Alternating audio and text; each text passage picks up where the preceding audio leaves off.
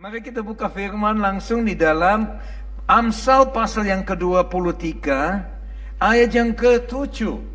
Amsal pasal yang ke-23 ayat yang ke-7 bagian A. Bahasa Inggris bilang begini, For as he thinks in his heart, so is he. For as he thinks in his heart, so is he. In bahasa it says, seperti, sebab seperti orang yang membuat perhitungan dalam dirinya sendiri, demikianlah ia. Tapi saya ganti sedikit. Sebagaimana orang memikirkan dalam hatinya, demikianlah dia berada. Ya, banyak orang tidak sadar bahwa satu pikiran seberapa besar ya itu memiliki dampak yang besar dalam hidup kita. Whatever we think, whatever we think affects our life. Coba kalau kita pikir, aku tidak bisa. Sepanjang hidup tetap tidak bisa. Karena sudah punya satu pikiran yang negatif dalam hidupnya. Ya, kalau selalu bisa memikirkan bersama dengan Tuhan tidak ada yang mustahil, dalam seluruh kehidupannya melihat bahwa tidak ada yang mustahil. Nah kita akan belajar bersama-sama bahwa satu pemikiran memiliki dampak yang besar. Coba saya tanya, siapa yang tercantik di sini? Gak ada satupun. Ya, I didn't know you were cantik. Ya, eh para wanita mestinya anak angkat tangan toh. Sebagaimana Anda pikir dalam hati, sedemikianlah Anda. Kalau Anda selalu berpikir, aku tidak cantik, Anda tidak cantik. Ya apa ya? Ya. Tapi kalau Anda mulai pikir, wah Tuhan sudah ciptakan saya cantik, saya nggak usah khawatir kalau saya bilang, saya cantik. Saya tahu bahwa saya orang terkanteng di dunia. Pak Akus bilang amin. Mestinya Pak Akus bilang salah Pak. Saya lebih ganteng Pak. Gitu dong. Iya dong. Sebagaimana Anda pikir dalam dirinya. Demikianlah Anda berada. As you think, that's what you are. Jadi kenapa kita selalu hidup dalam hidup yang penuh dengan negatif? Karena kita selalu mikir negatif. Makanya kita harus mengubah pikirannya. Tahun 86 saya di Indonesia. Saya tinggal di satu daerah dan satu pagi dibangun karena ributnya luar biasa. Kami tidak tahu what happened, tetapi kami akhir tahu bahwa ada pembunuhan terjadi. Seorang sopir taksi dibunuh oleh anak umur 15 tahun. Kita mulai pikir, why, kenapa ini terjadi? Nah, siangnya kami kesempatan ke kantor polisi, kami siap tanya, kenapa kok membunuh orang sopir taksi. Dia bilang malamnya dia nonton film. Begitu dia nonton mulai masuk satu pikirannya. Aku kepingin coba. Daripada dia tolak pikiran itu, dia lakukan. Akhirnya membunuh seorang sopir taksi. Berapa banyak tahun yang lalu ada seorang pikir, coba kalau kita sebagai manusia bisa kayak burung gimana ya? Satu pikiran saja membuat bapak, ibu, saudara-saudara semua bisa terbang tinggi hari ini. Karena satu pikiran saja. Nah sering kali kita tidak mengontrol pikiran itu. Jadi akhir kehidupan kita menjadi hidup yang tidak diberkati tidak berhasil. Malahan hidup penuh dengan sengsara, hidup penuh dengan masalah, hidup penuh dengan problem. Ya, padahal kita harus tahu bahwa Tuhan ingin supaya pikiran pun dikontrol oleh Dia. Kita lihat satu cerita di dalam 2 Samuel pasal yang ke-11. Ada satu cerita yang luar biasa. 2 Samuel pasal yang ke-11 ini ceritanya tentang Daud. 2 Samuel pasal yang ke-11 mulai dari ayat yang kedua sampai dengan ayat yang keempat. Ya.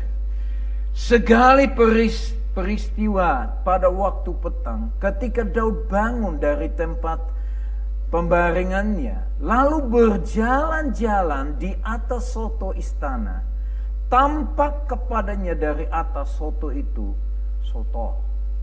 Seorang perempuan sedang mandi. Wow. Perempuan itu sangat elok rupanya. Kok bisa tahu sih? Tempat yang tinggi, lihat ke bawah, apa yang dia lihat? Wanita yang sedang mandi. Saya kadang-kadang bilang, dari tempat yang tinggi, bisa melihat wanita itu cantik atau tidak, kecuali dia sungguh melihat. Mungkin waktu itu pakai binoculars.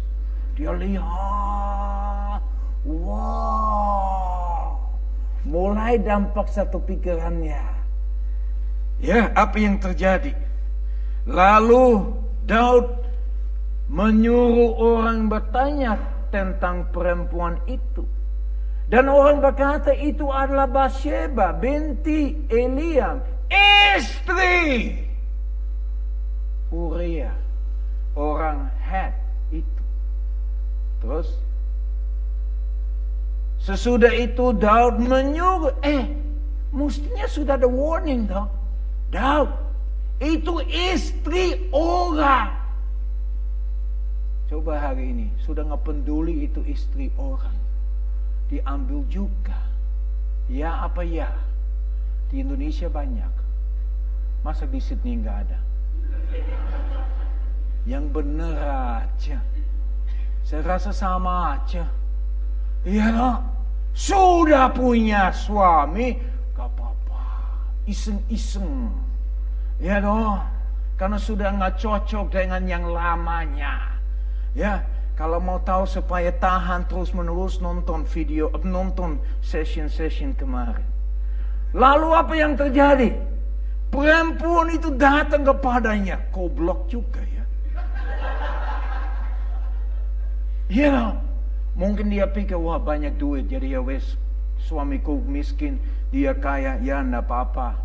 Demi duit belulu. Apa yang terjadi lalu Daud tidur dengan dia. Unbelievable. Perempuan itu baru selesai membersihkan diri dari kenadis, kenacisannya. Kemudian pulanglah perempuan itu ke rumahnya. Pada waktu itu seorang perempuan yang sudah 12 Hah? Oh, itu nanti. Kok udah masuk ke sini? Saya pikir itu terus. Apa yang terjadi? Hanya karena satu pikiran saja, dia jatuh dalam dosa. Berapa sering kita sama? Hanya karena satu pikiran yang kita pikirin terus menerus. Itu menjadi cara hidup kita. Hanya dia melihat wanita sangat cantik. Kemudian dia mulai memikirkan. Ya, dia mulai memikirkan dan dia mengizinkan pikiran memimpin kehidupan dia. Berapa sering kita izinkan pikiran kita memimpin hidup kita? Berapa sering kita berkata, Tuhan inilah aku, utuslah dia. Padahal Tuhan mau pakai kita semua. Oh saya tidak bisa ngomong. Siapa bilang nggak bisa ngomong? Bisa belanja nggak? Bisa tak? Bisa komunikasi dengan ngomong bule nggak? Bisa. Oh nggak bisa Inggris, cuma bisa yes yes no no. Saya dulu punya teman, sama-sama kita ke Inggris. Dia masuk Inggris, dia mau dibantu sama temannya. Orang di, di, di bandara bilang tidak boleh, dia harus datang sendiri. Terus dia dapat satu pertanyaan, berapa lama Anda di Indonesia, di, di Inggris? Dia bilang, just three days. Stamp dia maju. Saya duduk sama dia sorenya, dia cerita sama saya, puji Tuhan. Saya nggak tahu bahasa Inggrisnya, tapi wah Tuhan sudah sungguh lindungi saya. Karena dia dedekan, dia harus menghadapi officer sendiri. Terus saya tanya, terus what happened? Dia cerita, you tahu, Untung ditanya berapa lama saya di sini. Karena saya sudah hafalin. Just three days. Saya bertanya, kalau ditanya tinggal di mana jawab apa? Just three days. Ya, mudah-mudahan gak ada yang seperti itu hari ini ya. Kita lihat bahwa sering kali kita pikir kita tidak bisa berbuat apa-apa. Karena pikiran kita sedemikian rupa. As you think, that's what you are. Sebagaimana Anda pikir, demikianlah Anda berada. Dan dia mulai bertanya, dia tidur sama dia, dan dia apa melakukan apa yang ada di dalam pikiran. Satu pemikiran menjadi tindak laku. Pemikiran yang penuh dengan nafsu. Akhirnya dia bersih. Awal mulanya one single thought. Kita lihat cerita yang lain. Di dalam Matius pasal yang ke-9. Mulai dari ayat yang ke-20 sampai dengan 22. Pada waktu itu, seorang perempuan yang sudah 12 tahun lamanya menderita pendarahan maju mendekati Yesus dari belakang dan menjamah jubah jumbai jubahnya karena katanya dalam hatinya. Katanya di mana? Dalam hatinya. Artinya dia punya satu pemikirannya. She had a single thought. Asal ku jama jubahnya saja, aku akan sempat. Asal ku jama bajunya. Itu dalam pikirannya. Apa yang terjadi? Dia maju. Tetapi Yesus berpaling dan memandang dia serta berkata, Tekukanlah hatimu, hei anakku, imanmu telah menyelamatkan engkau. Maka sejak saat itu sembuhlah perempuan itu. Dia dapat penyembuhan, awal mulanya apa? One little thought. Satu pikiran. Dia mulai memikir asal aku pegang jubahnya. Aku akan mengalami kesembuhan yang luar biasa. Saya percaya dia atau dia sudah dengar tentang Kristus. Atau dia pernah melihat siapakah Yesus itu. Karena itu membuat dia melangkah dengan pikiran yang ada di dalam hidupnya dia. She acted on the thought she had. Dia berlangkah di atas pikirannya. Dua-duanya cerita melangkah di atas pikirannya. Dua-duanya memiliki hasil. Satu hasilnya luar biasa dahsyatnya, satunya dosa yang sungguh luar biasa. Tapi awal mulanya pemikiran Pertanyaan saya pada hari ini adalah begini. Apakah pikiranmu sudah dikontrol oleh Tuhan? Saya percaya pada waktu wanita ini melihat Yesus, pikiran dia sudah mulai dikontrol. Diizinkan diserahkan kepada Tuhan. Dibanding dengan apa? Dengan Daud. Yang notabene sangat-sangat-sangat disayangi oleh Allah. Tapi dia melangkah di atas satu pikiran yang tidak berkenan di hadapan Tuhan. Sama-sama melihat. Tapi sama-samanya melangkah. Sebagaimana supaya pikiran kita benar-benar dikontrol oleh Tuhan. And how far, seberapa jauh kita benar-benar izinkan pikiran kita, setiap pikiran kita mengikuti ketaatan kepada Kristus. Seberapa jauh pikiran kita benar-benar diserahkan kepada Tuhan untuk kita benar-benar melangkah di atas dasar kebenaran firman This is my GPS. Inilah KPS ku. Inilah kehidupanku. I am a friend of Jesus. Berapa sering kita menyanyikan? Ya, He calls me friend. The Bible says dia memanggil kita sebagai sahabat bila kita melakukan kehendaknya. Nah, untuk melakukan kehendaknya tidak bisa keluar daripada pikiran benar-benar diserahkan, dipulihkan, diberikan kepada pimpinan daripada Tuhan, yaitu melalui Roh Kudus. Firman Tuhan bilang, aku adalah ciptaan yang baru. Yang lama sudah lewat, sudah berlalu, sudah tidak ada lagi.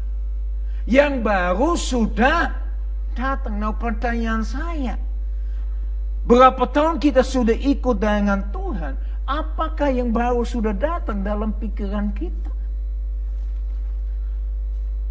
Itu satu pertanyaan yang luar biasa. Satu kali saya berjalan sama istri saya, saya lagi setir mobil, lagi berhenti karena ada lampu merah. Banyak orang yang lewat, terus istri saya bilang, Eh hey, Sel, ini cantik enggak? Kalau saya bilang iya, pasti dia marah sama saya. Kalau saya bilang enggak, dia bilang, wah kamu enggak normal. Ya apa ya? Bingung saya jawab yang mana.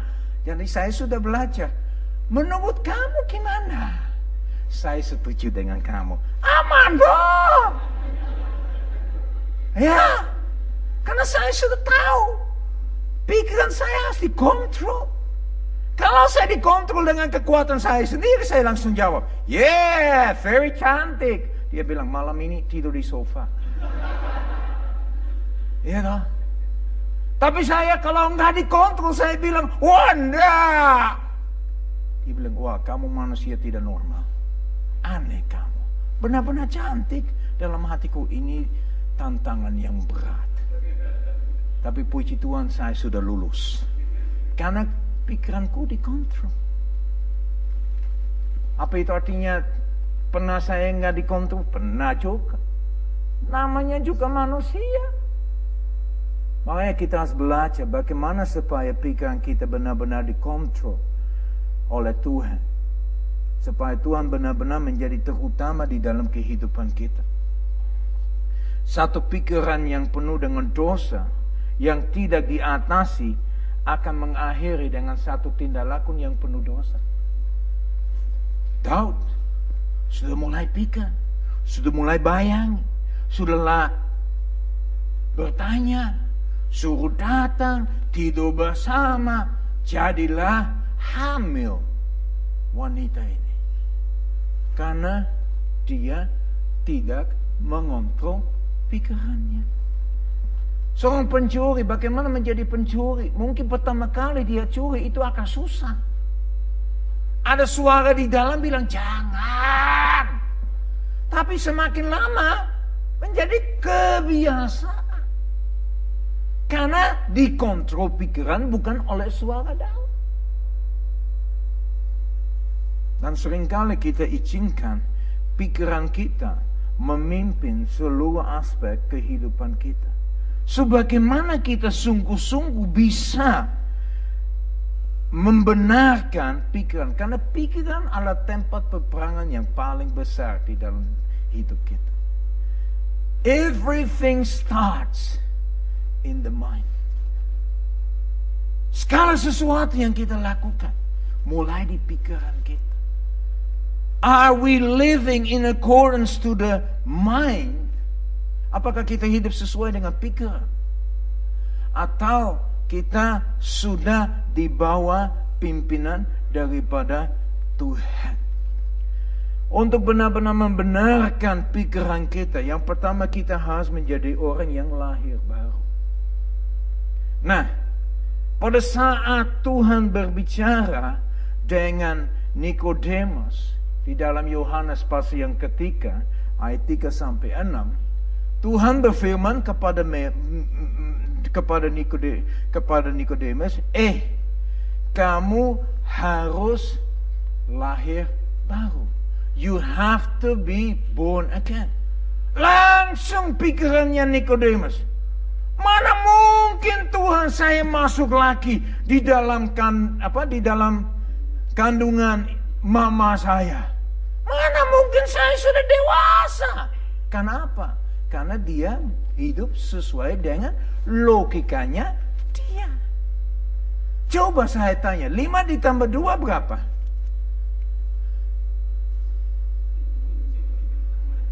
Tujuh. Menurut dunia tujuh. Tapi menurut saya nggak cukup. Lima roti dua ikan cukup buat saya sendiri.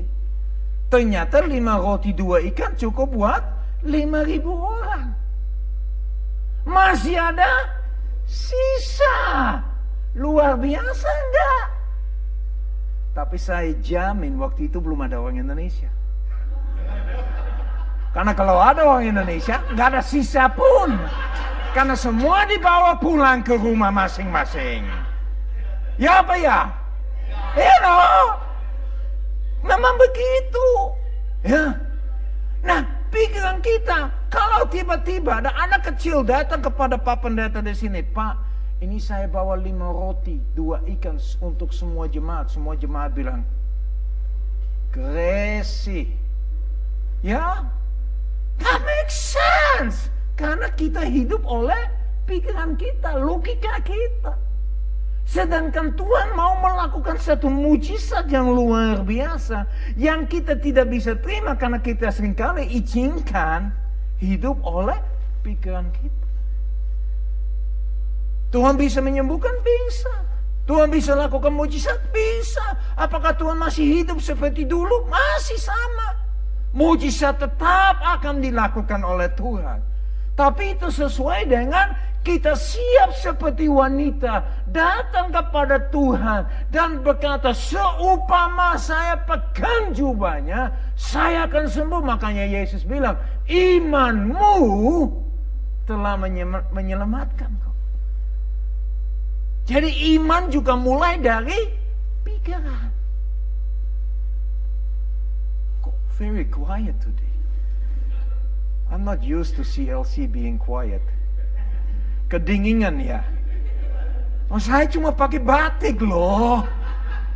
Haleluya, tapi I'm on fire. Ya.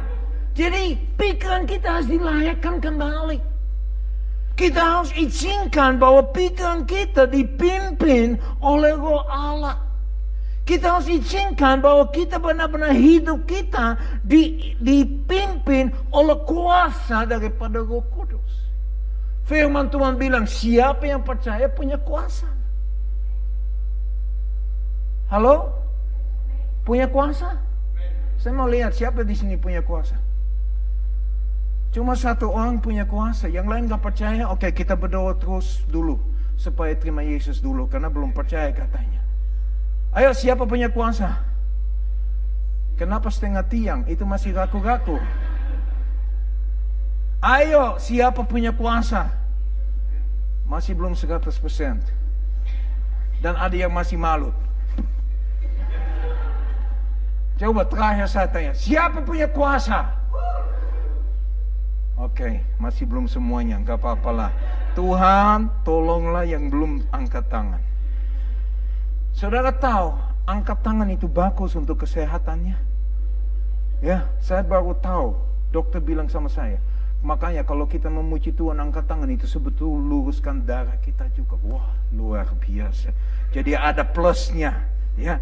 Yang yang kedua, bukan hanya harus mengalami satu kelahiran baru. Tapi yang kedua, harus benar-benar mengizinkan uh, apa namanya itu complete transformation.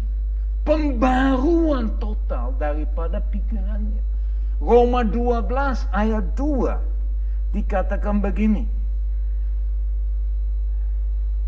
Ya. Dalam Roma 12 ayat yang kedua, janganlah kamu menjadi serupa dengan dunia ini, tetapi berubahlah oleh pembaruan budimu. Sehingga kamu dapat membedakan manakah kehendak Allah apa yang baik, meningkat. Apa yang berkenan, meningkat. Apa yang sempurna. Banyak orang datang kepada saya, Pak, bagaimana saya bisa tahu kehendak Tuhan? Ini ayatnya. Sederhana tuh. Ngubah pikiranmu, pembarui pikiranmu. Caranya gimana?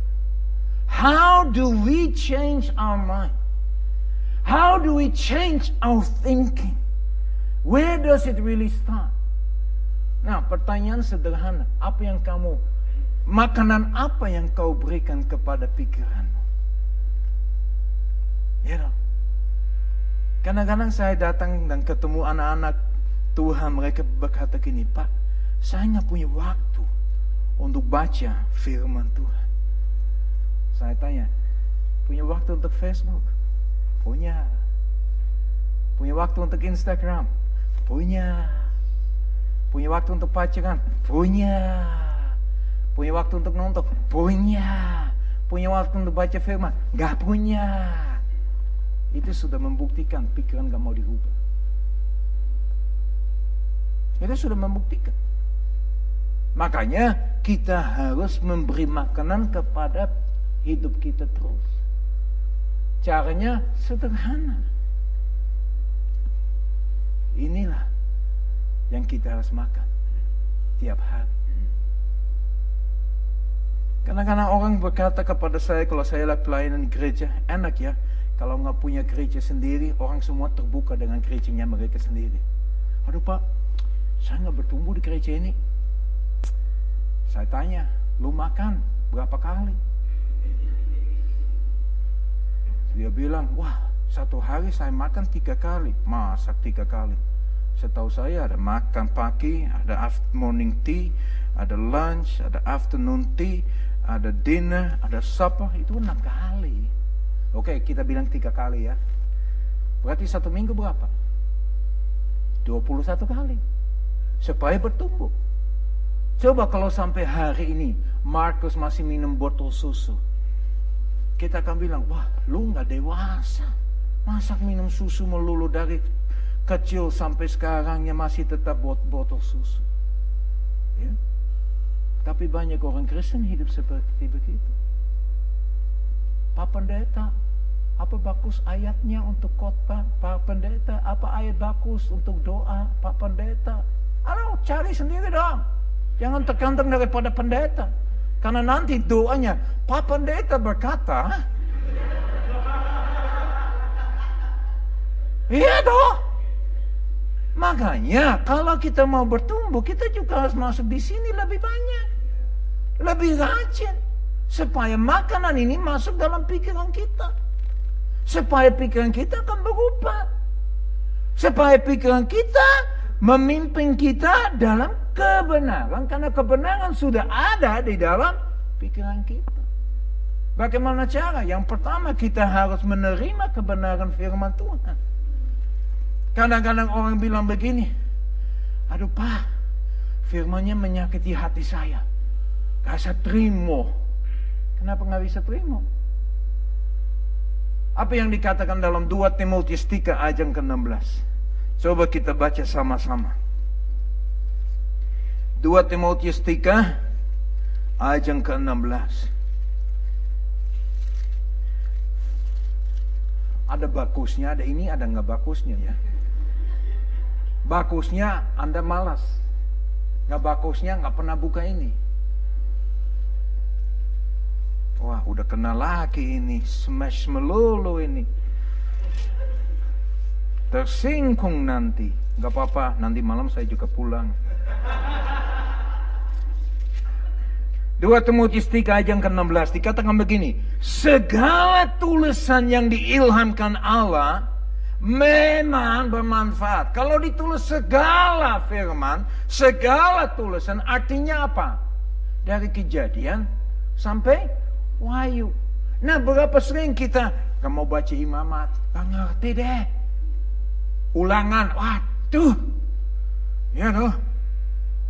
Tawarik, si anaknya ini, bapaknya ini, bapaknya ini punya anak ini, anak ini punya bapaknya, bapaknya ini punya anak, anaknya punya ini, ini. Wah bingung lah saya.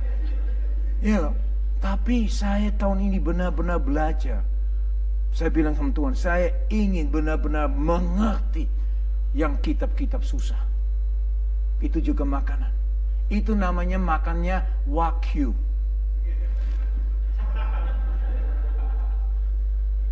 Enak sekali kalau masaknya lama sekali ya tuh. Nah itu benar-benar enak kalau kita benar-benar ngerti kebenaran firman Tuhan itu. Tapi kita bilang skip aja. Siapa bilang? Segala firman disampaikan kepada kita untuk mengajar, untuk menyatakan kesalahan, untuk memperbaiki kelakuan, dan untuk mendidik orang dalam kebenaran. Aduh Pak, menyakiti. Firman Tuhan bilang apa? Untuk menyatakan kesalahan. Makanya kenapa sakit hatinya gak bisa terima karena sudah menyatakannya. Kesalahanmu sudah ketahuan. Dan kalau ketahuan gak suka, malu nih. Ya apa ya? Aduh Pak tersinggung. Ayo singgung aja terus, enggak apa-apa. Supaya kebenaran terbukti dalam hidupmu. I'm not here for myself. Aku tidak tidak di sini untuk menyenangkan hatimu. Saya ada di sini untuk menyenangkan, menyenangkan hati Tuhan.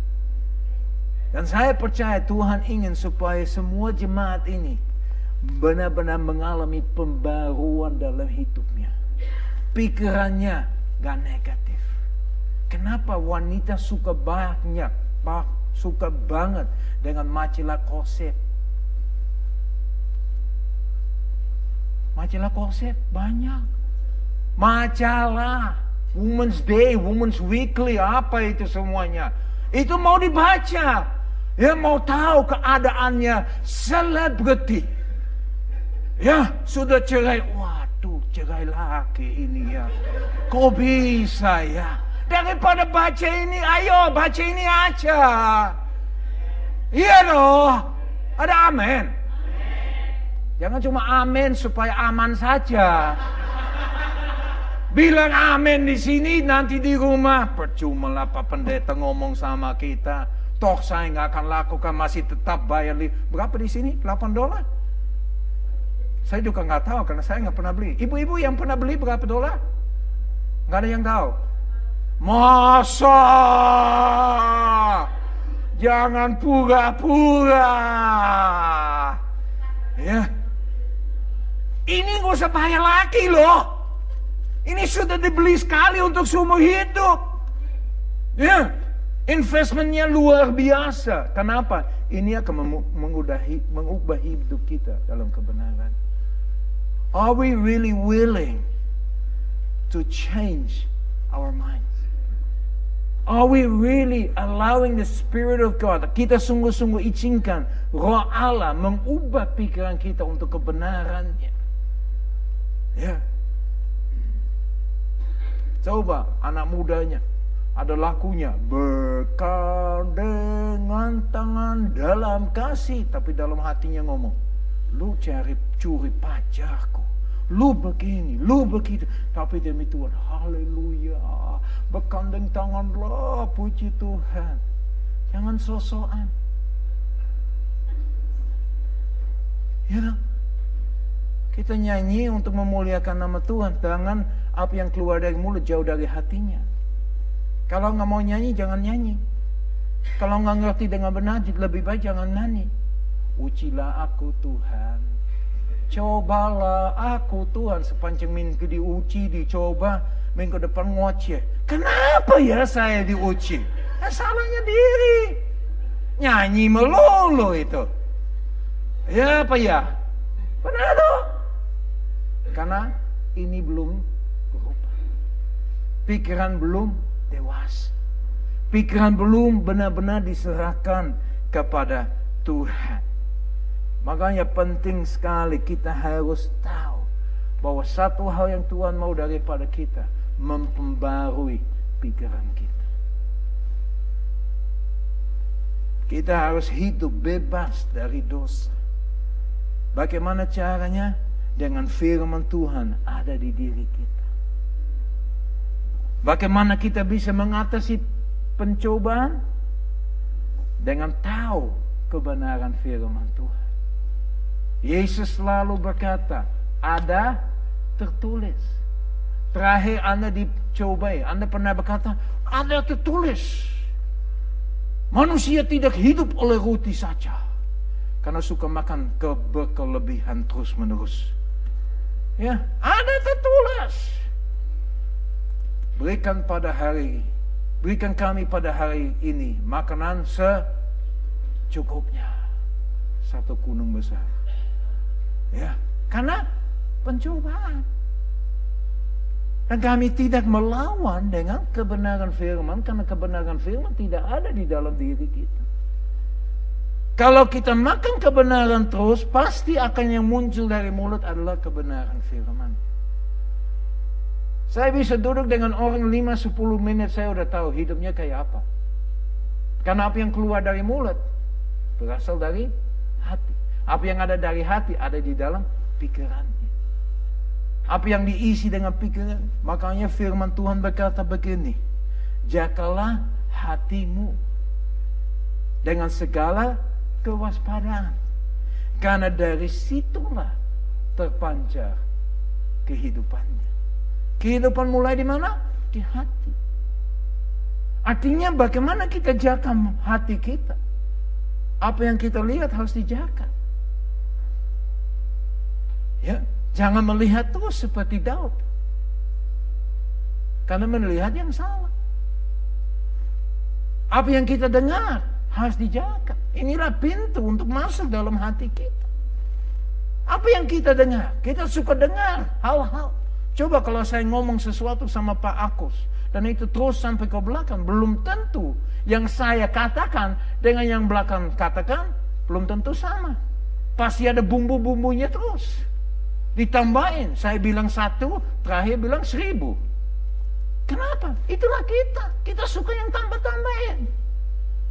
Padahal kita jangan sampai begitu. Makanya firman Tuhan plus ditambahin. Firman Tuhan bilang, ini sudah cukup.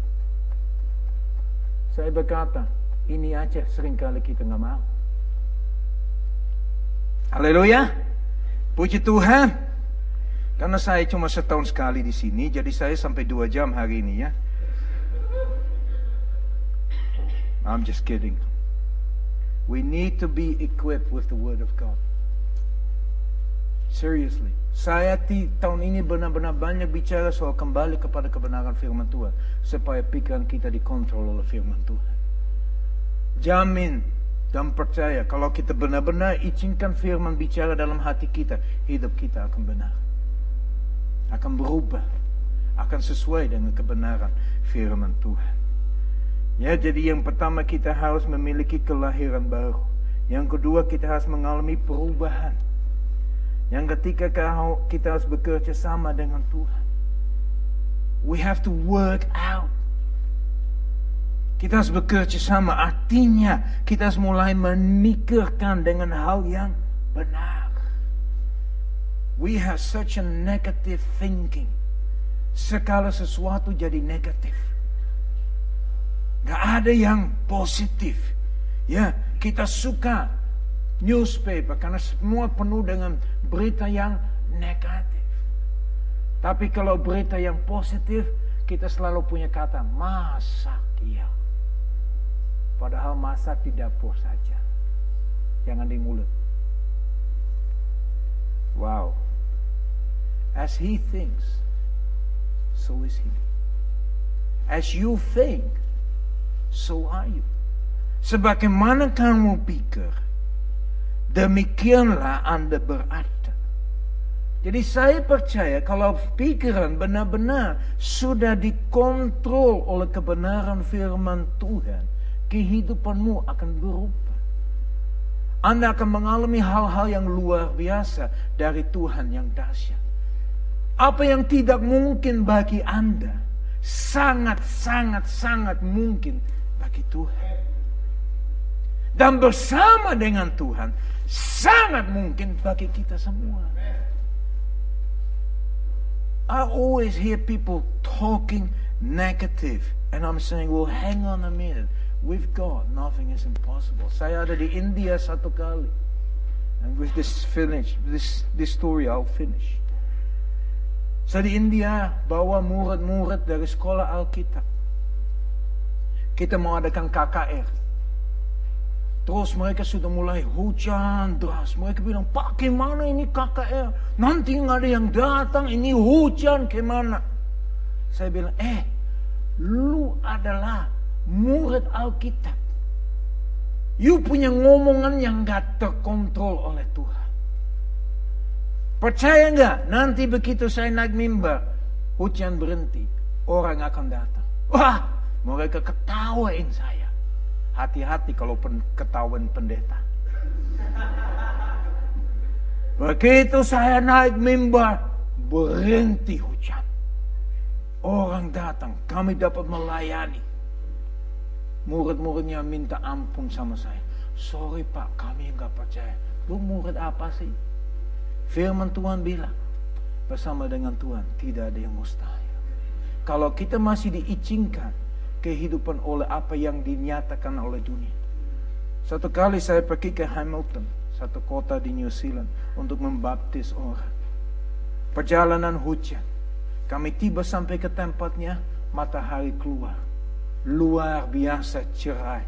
Bagus sekali, indah sekali tempat baptisannya. Kami baptis, empat lima orang. Selesai kami masuk mobil, hujan lagi. Thank you Lord, engkau sungguh luar biasa. Coba kalau saya pikirkan, aduh hujan, gimana sih hujan? Nanti saya kedinginan karena yang paling lama di air adalah saya, bukan mereka. Mereka cik cok udah keluar, saya yang di dalamnya, ini winter loh. Dingin, tapi ya puji Tuhan. Bersama dengan Tuhan, airnya jadi hangat. Ya, luar biasa itu. Bapak ibu saudara-saudara sekalian, pesan hari ini sederhana. Pikiranmu udah dikontrol Tuhan bukan? Gak peduli sudah lama ikut Tuhan loh. Karena kita menjadi orang yang biasa-biasa saja. Ya, sudah jadi stagnan.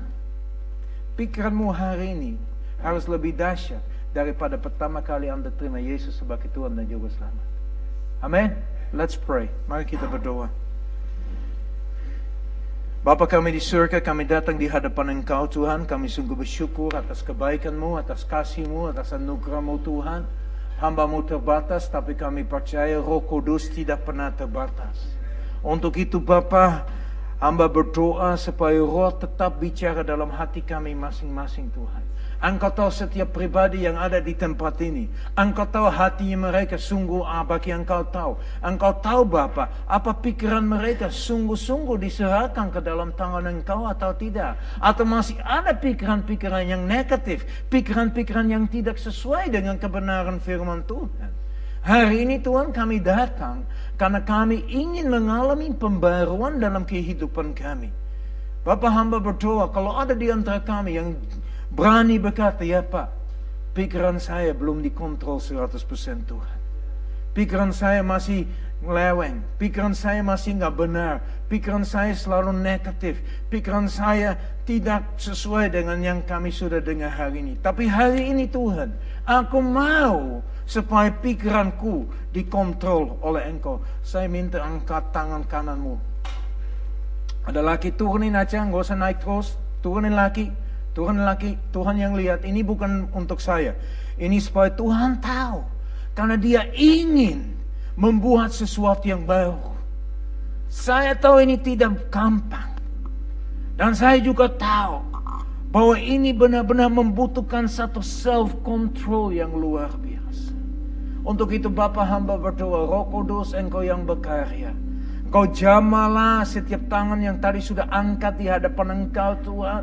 Engkau tahu apa yang mereka lewati hari ini Tuhan. Pikiran seperti apa yang mereka miliki hari ini Tuhan. Aku berdoa Bapa di dalam nama Yesus Kristus. Ada satu terobosan terjadi hari ini Tuhan. Ada satu pembaruan terjadi hari ini Tuhan. Hamba berdoa Bapa bahwa Engkau memberikan satu kehausan, kelaparan akan kebenaran karena kebenaran firman-Mu akan mengubah pikiran menjadi pikiran yang sesuai dengan yang Engkau pikir Tuhan.